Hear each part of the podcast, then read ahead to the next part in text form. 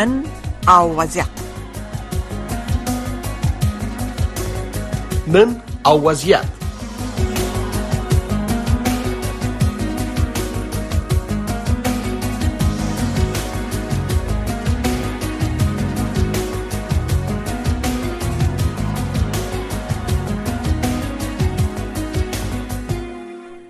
سلام بینندگان و شنوندگان رادیو آشنا صدای امریکا.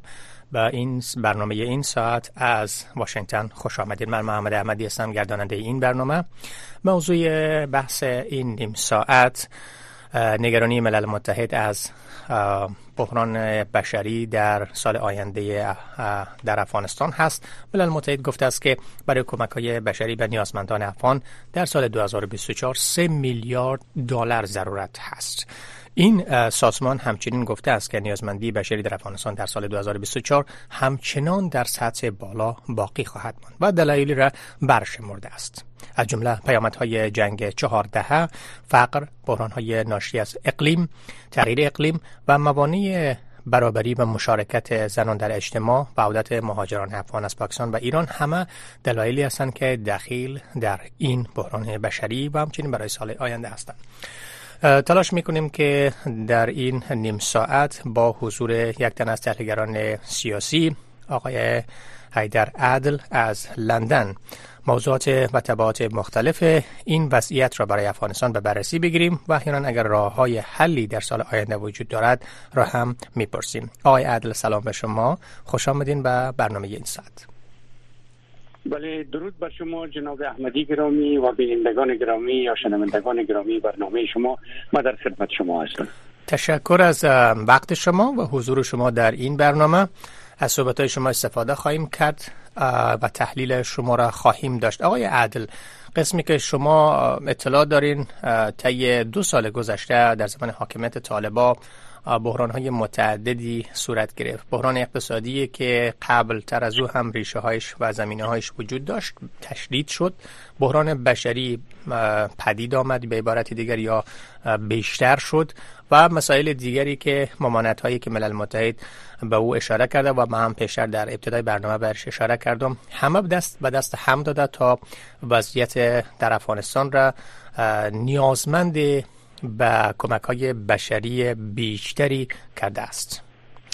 به نظر شما در ابتدای صحبت اگر بفرمایید که چطور طالبا با وجود اینکه نیازمند به مشروعیت از سوی جامعه جهانی هستند این مقررات سختگیرانه را که بخش زیادش عوامل باعث بحران بشری هست هنوز رفت نکرده از جمله موانع برابری مشارکت زنان هست و سایر نگرانی های دیگه که جامعه جهانی داره بله ببینین با تحصف می‌تونیم بگوییم که طالبا یک نیروی جنگی هستند تا ای که سیاستمدار و دولت مدار باشند.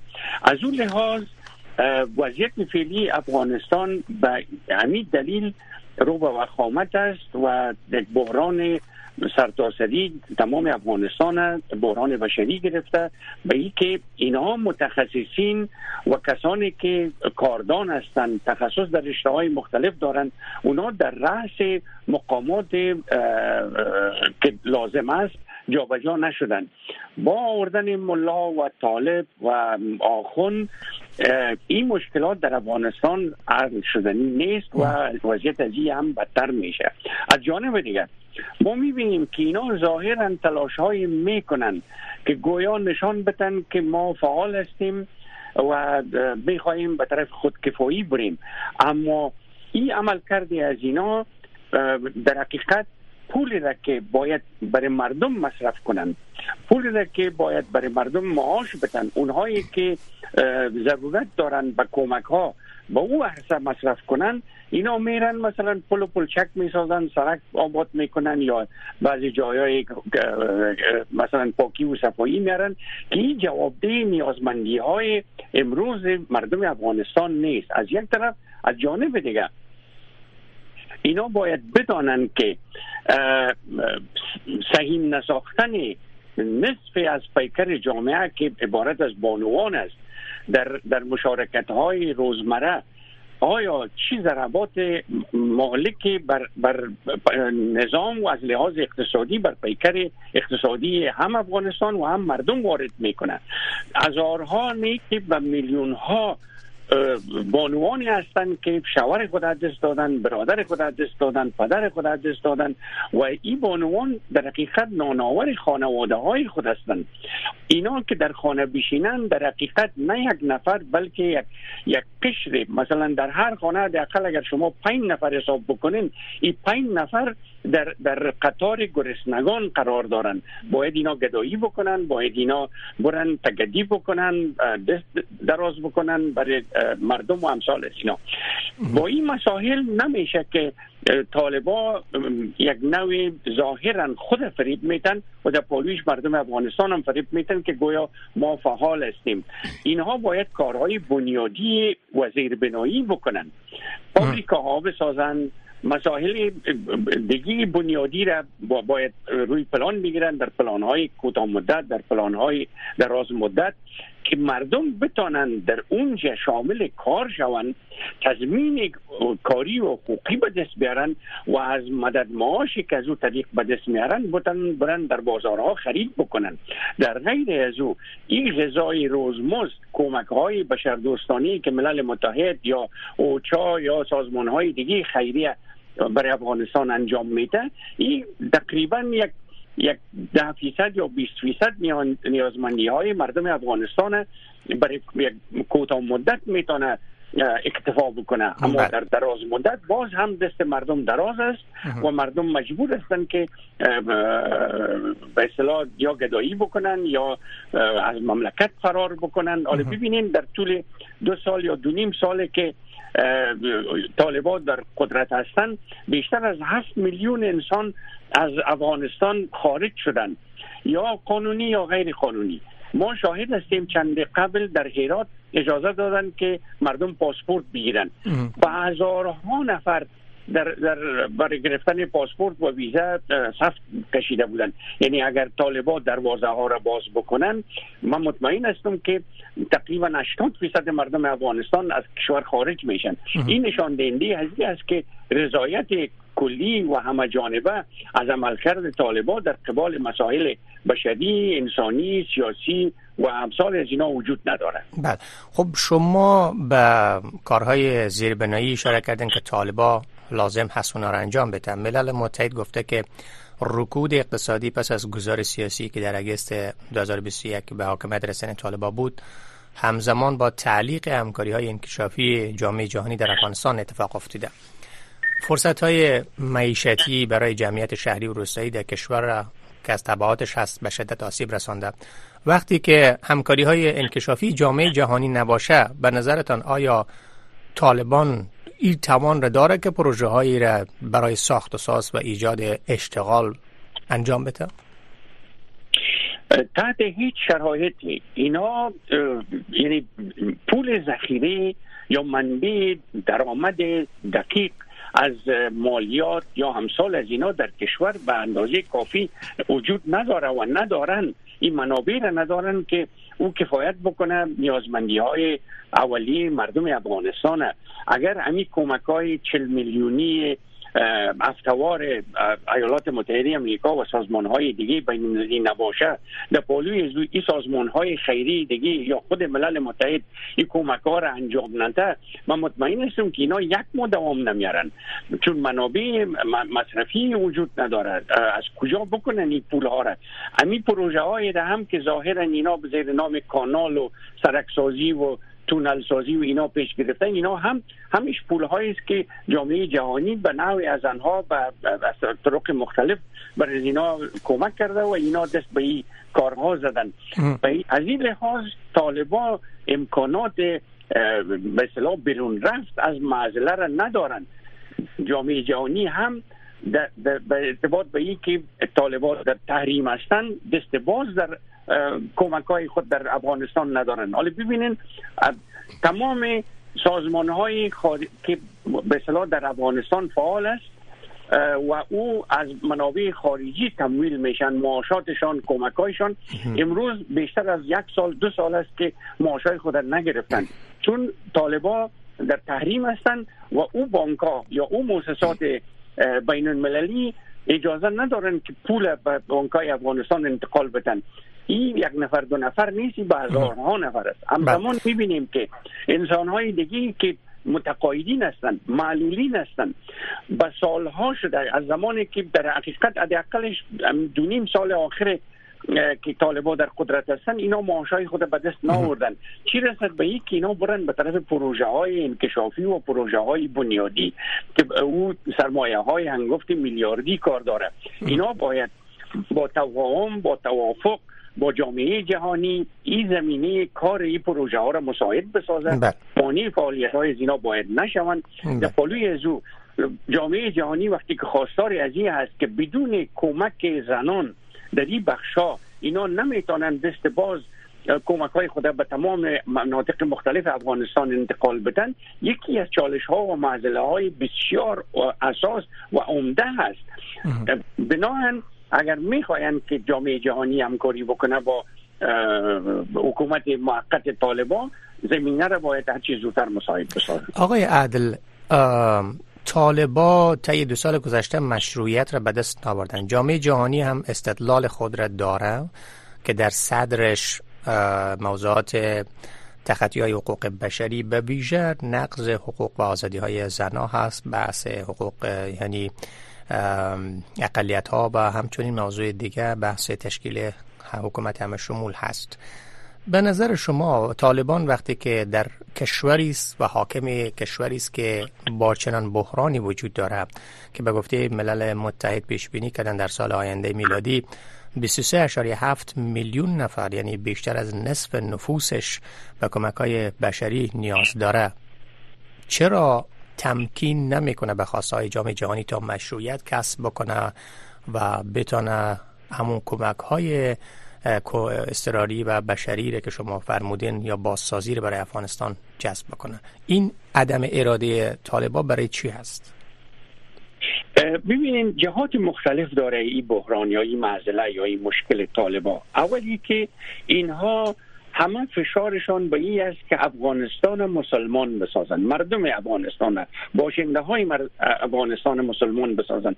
در حالی که ما شاهد هستیم که از 1400 سال به این طرف مردم افغانستان مسلمان بودن و مسلمان زاره بودن و دینشان هم دین اسلام است.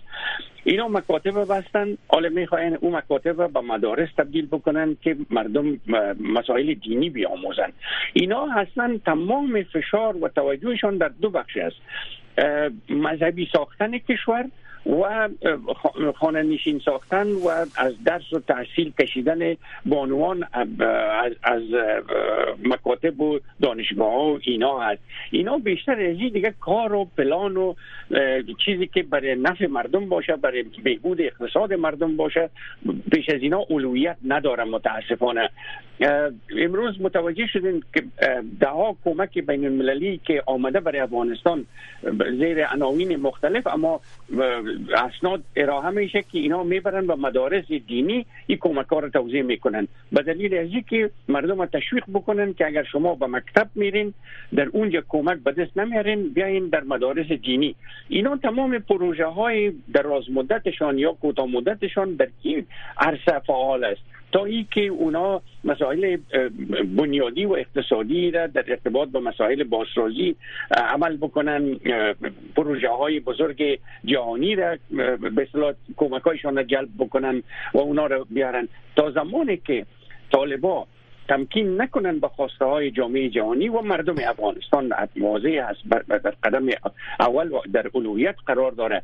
به هیچ صورت در شرایط فعلی با موجودیت این وضعیتی که امروز طالبا در پیش گرفتن اینا نمی‌تونن کار را از پیش ببرن و جامعه جهانی هم به خواست طالبا به این شکلی که اونا توقع دارن تمکین نمی‌کنه. از یک طرف از جانب دیگه طالبا در اینمی 16 کشوری که اینا در حقیقت غیر مستقیم یک نوع نمایندگی باز کردن. و یا در بعض نشسته های منطقوی و بین المللی که اینا ظاهر میشن و دعوت میشن دل به این خوش کردن. اتر فکر می‌کنن که جهان یعنی اینمی 16 کشور. جهان یعنی اینمی روابط رفت آمده. در حالی که ما شاهد هستیم که در طول این مدت دو نیم سال ده ها کنفرانس میز مدور صحبت ها و نشست ها و امثال از اینا صورت گرفته اما هیچ کدام از اینا در فیصله هایشان تحقق نیافته و یک چیزی در حقیقت تشریفاتی بوده و دلخوشی برای طالبا که اینا را به یک شکل به می شکل نگاه بکنن طالبا باید بیدار شوند وارد شوند بفهمن متخصصین جلب بکنن اول خو یک حکومت فراگیر باید دعوت بکنن کسایی که تمام اقشار جامعه در اون رژیم خود پیدا بکنن نماینده های خود پیدا بکنن و کارکشته ها متخصصین کسایی که کاردان هستند در مسائل اقتصادی در مسائل سیاسی در موضوعات دیگی که یک مملکت به اون نیاز داره اونا را دعوت بکنن و یک حکومت مشارکتی و همه شمول بسازن. در اون صورت امکان داره که جامعه جهانی هم بر اینا دروازه های خود باز بکنه به خواسته هایشان دبیت بگویه و دست به کارهای زیربنایی و بنیادی بزنه. حالا با این وضعیتی که شما برشمردیم عدم توانایی طالبا از لحاظ مسلکی و مفکوری که شما گفتن نسبت به حکومت داری داره. آینده افغانستان چه خواهد شد؟ دو سال گذشته نه از طرف جامعه جهانی حرکت شده لحاظ شرایطی که برشمردن و نه از طرف طالبا به دلایلی که شما برشمردین. حالا در این میان مردم افغانستان وضعشان چه خواهد بود؟ این کشور با چل میلیون نفوس چه خواهد شد؟ واضح هست که این وضعیت ادامه نمی‌تونه پیدا بکنه به دلایل مختلف. اولی که خب در طول دو سال دو نیم سال اگر مردم تحمل کردن این وضعیت فعلی را یا انی موجودیت طالب متحجر دلیلش هست که شاید یک مقدار ذخیره از گذشته داشتن که اونا را آهسته آهسته کشیدن مصرف کردن. دومی که امیدوار با فیصله های جامعه جهانی هستند که فکر می‌کنن با فشارهایی که جامعه جهانی بالای طالبا وارد می‌کنه امروز یا فردا ممکن موثر واقع شود و طالبا این سیاست فیلی خود کنار بگذارن و برن تمکین کنن به خواست مردم افغانستان و جامعه جهانی. اما اگر این وضعیت ادامه پیدا بکنه در حقیقت یک فاصله بین جامعه جهانی و مردم افغانستان طالبا ایجاد بکنن. مطمئنا که این فضا به زودی برهم می‌خوره. مردم دیگه بالاتر ازی توان و استقامت ندارن که این وضعیت تحمل بکنن. خواهی نخواهی شورش ها برخورده های فیزیکی حتی مسلحانه و ده ها برخورد دیگی از جانب مردم به وجود نه. هیچ کس حاضر نیست که گرسنه ببانه و هیچ کس حاضر نیست که از گرسنگی بموره اما دست به یک عکس عمل نزنه.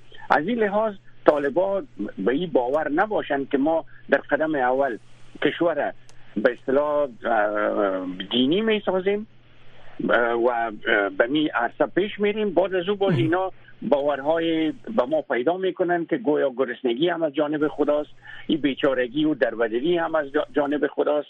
و امثال از اینا در حالی که حالا دیگه امروز قرن 21 است 1400 سال قبل نیست و مردم به این مسائل دیگه توجه نداره. اونا شکمشان گوشن است لباس ندارن. خانه ندارن و امثال از اینا را وجود نداره. تبابت نیست. حالا ببینین گزارش از جانب تلویزیون شما بود و تلویزیون های دیگه جهانی بود که در هر دو ساعت یک مادر در, وقت زایمان تلف میشه.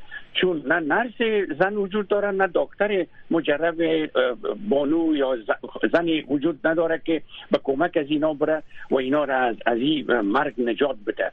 این وضعیت اگر دوام بکنه خواهی نخواهی که فاجعه بار میاره. و این فاجعه است که در برابر طالب مردم استاد میشن و اینا مجبور هستن که جای خالی بکنن به خواسته های مردم بله. رای دیگه نداره در بله. غیر از او طبعا که کشور در یک پردگاه نابودی و نیستی میره بله خب آقای عدل در این میان کشورهای همسایه افغانستان حالا کشورهای منطقه که نزدیکتر هستند به منافعشان به افغانستان طبعا می‌تونن نقش برجسته در تغییر وضعیت داشته باشند فکر می‌کنین که کشورهای همسایه اونایی که تأثیر گذار بودن در وضعیت افغانستان چرا اراده برای همکاری بیشتر با این حکومت ندارن برای تغییر تحول؟ و دومی که فکر نمی‌کنین دوام این بحران بشری یا انسانی یا سیاسی در یک کشور همسایه می‌تونه آسیب ها یا به عبارت دیگر پیامت های منفی را به کشورهای اطراف خود داشته باشه؟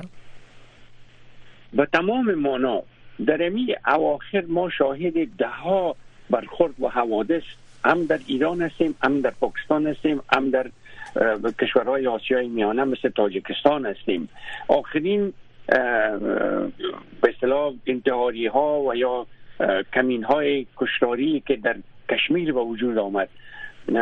دولت هندوستان و پاکستان به اصطلاح منشی ازیره از جانب طالبا دانستند که او افرادی که در این کشتار سهم داشتن تربیه شده بودند در ننگرهار افغانستان. همچنان حوادث اخیری که در ایران اتفاق افتیده این خود نشان دهنده از این است که اینها همشان تربیه میشن در داله افغانستان و میرن در اونجا انتحاری و ترورها و امثال از اینا را در کشورهای همسایه انجام میدن. اگر هر چیز زودتر اینا بخواین این تعاملا را با طالبا انجام بدن و پیش ببرن وضعیت از در کشورهای خودشان و البته داخل افغانستان همچنان بدتر شده میره خوبتر شده نمیره. از یک جهت جهت دیگه است که هر قدر وضعیت از لحاظ بشری از لحاظ اقتصادی و سیاسی در افغانستان خرابتر شده بره مردم به هزار طریق که باشه میبراین و باز هم به این کشورها اینا میرن پناهنده میشن تنها پناهندگی نیست. اونجا هم که میرن اگر دسترسی به غذا و نان و لباس و اینا پیدا نکنن مجبور هستن که برن به گروه های انتحاری بپیوندن به گروه های مخالف مثل تی تی پی و امثال از اینا بپیوندن از طریق از اونا تغذیه شوند و باز هم علیه همون رژیم ها اینا استفاده میشن و نارامی ها و بی‌ثباتی در این کشورها به وجود میارن. به این لحاظ بهتر است که این همسایه های ما نخواهند وضعیت ازی بدتر بسازن موجودیت طالب در افغانستان و وضعیت فعلی اقتصادی در افغانستان برای همسایه ها از یک جهت موثر است و اونی است که افغانستان در یک حالت بیچارگی و فقر نگاه بکنن تا نتانه یک ثبات و یک, یک پیشرفت اقتصادی به وجود بیاید که نشه که فردا روز این کشور تهدید برای از اونا شود. اما برعکس هر قدر کشور فقیر شده بره هر قدر کشور بدتر شده بره اما قدر گروه های انتحاری و تروریستی در این کشور رشد می‌کنه نمو می‌کنه و این پس دوباره میره و نه تنها در همسایه ها بلکه مشکل ایجاد خواهد کردن بلکه در سطح جهان اینا بله یک یک بخش پرس... آقای عدل کلامتون قطع می‌کنم معذرت. یک بخش پرسش دیگه گرچه شما بهش پاسخ دادن از منظر دیگه. چه دلیلی داره که اینقدر با حاکمیت طالبا همسون نیستن؟ چه نگرانی ها و بیباوری هایی را این کشورهای منطقه دارن یا منتظر چی هستند که نمی‌خواین روابط درستی داشته باشن؟ دلایل مختلف است. اولین دلیلش هست که طالبا از لحاظ سیاسی هیچ نوع مشروعیت در جهان ندارند. به شمول ملل متحد هیچ کشور اینا رو به رسمیت نشناخته. اگر این کشورهایی که یا همسایه ها یا در جهان هر کشور دیگه که بخواه با اینا تعامل بکنه یا روابط دیپلماتیک دقیق انجام بده واضح هست که او در این کشور یا کشورها در حقیقت میپذیرند که ما یک رژیم تروریستی را به رسمیت شناختیم که این برای خود از کشورها سخت تمام میشه و در تحریم قرار می‌گیرن از اون لحاظ کشورها نمی‌خواین مستقیم در, یک روابط دیپلماتیک و اقتصادی با طالبا باز بکنن از یک جهت جهت دیگه ای است که وضعیت طور است که می‌خواین طالب در اینمی شرایطی که موجود است در اینمی قالب اینا را حفظ بکنن چون اعتماد سر طالب ندارن. اینها در گذشته ها هم دور اولی که اینا به قدرت آمدن هیچ نوع تغییر امروز در عمل کرده از اینا از هیچ لحاظ دیده نمیشه. بنان طالب همون طالب تاریکندهش متحجر است. پس اعتماد به اینا غیر ممکن است. اینا امروز یک وعده وعید می‌کنن مثل که در تفاهم نامه یا توافق نامه دوحه دادن. اما وقتی که داخل افغانستان شدن قدرت برشان سپرده شد کاملا مغایر از او عمل کردن. اما طالبا معذرت می‌خوام. طالبا بله. وقتی که ادعا می‌کنن میگن که در طی حاکمیتشان امنیت نسبی به مراتب بهتر هست از طی دو دهه گذشته و بعد از اون میگن که این به عنوان یک از دستاوردها هست به نظر شما آیا این مقیاس امنیت میرزه به این همه بحران بشری اقتصادی به وضعیتی که مردم افغانستان دارن؟ ببینین ادعای طالب در اینجا بسیار میانتهی است. به این مانا که او وضعیت که دیروز در افغانستان در 20 سال جمهوریت وجود داشت که امنیت نبود انتحار بود کشتار بود و ده ها دیگه خود طالب به وجود آورده بود. کسی دیگه خو نبود گروه های دیگه نبود از خارج خو ازاکر دیگه نامده بودن. همین مردم بودن که می وضعیت ایجاد کرده بودن. وقتی که اینا خودشان قدرت گرفتن طبعا دیگه کسی نیست که باز هم ادامه بده انتحار و انفجار و کشت و کشتاره. این وضعیت می‌تونه آدم چنین ارزیابی بکنه. از جانب دیگه تنها و تنها مسئله امنیت اینجا مطرح نیست از لحاظ از که گویا دیگه مشکل کشتن و بستن و اینا وجود نداره. غیر مستقیم هست. شما هر روز هر ساعت شاهد کشتار یکی از کارمندای یا نظامی یا غیر نظامی دولت پیشین هستند.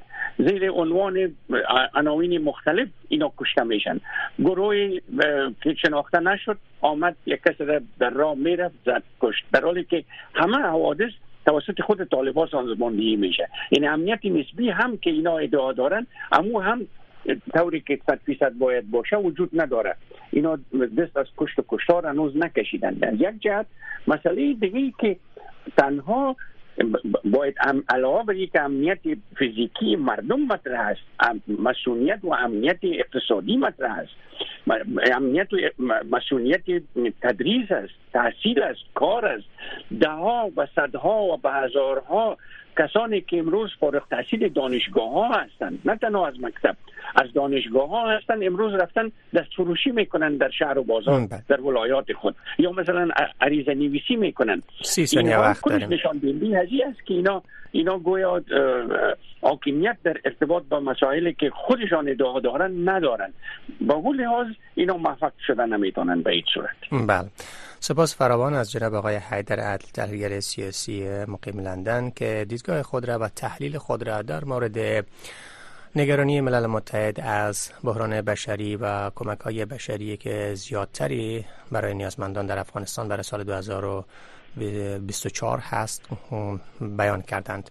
همچنین این برنامه بر روی وبسایت و فیسبوک صدای امریکا بعد از ختمش موجود است. کسایی که این برنامه را نتانستن بشنون و این تحلیل آقای عدل را نتانستن بشنون در ساعت نشرش می‌تونن مراجعه بکنن.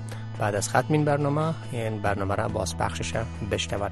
البته تا دقایق بعد یا چند دقیقه بعد برنامه صدای شما استاساقک شروع میشم که من با اتفاق همکارم در استودیو خواهیم بود.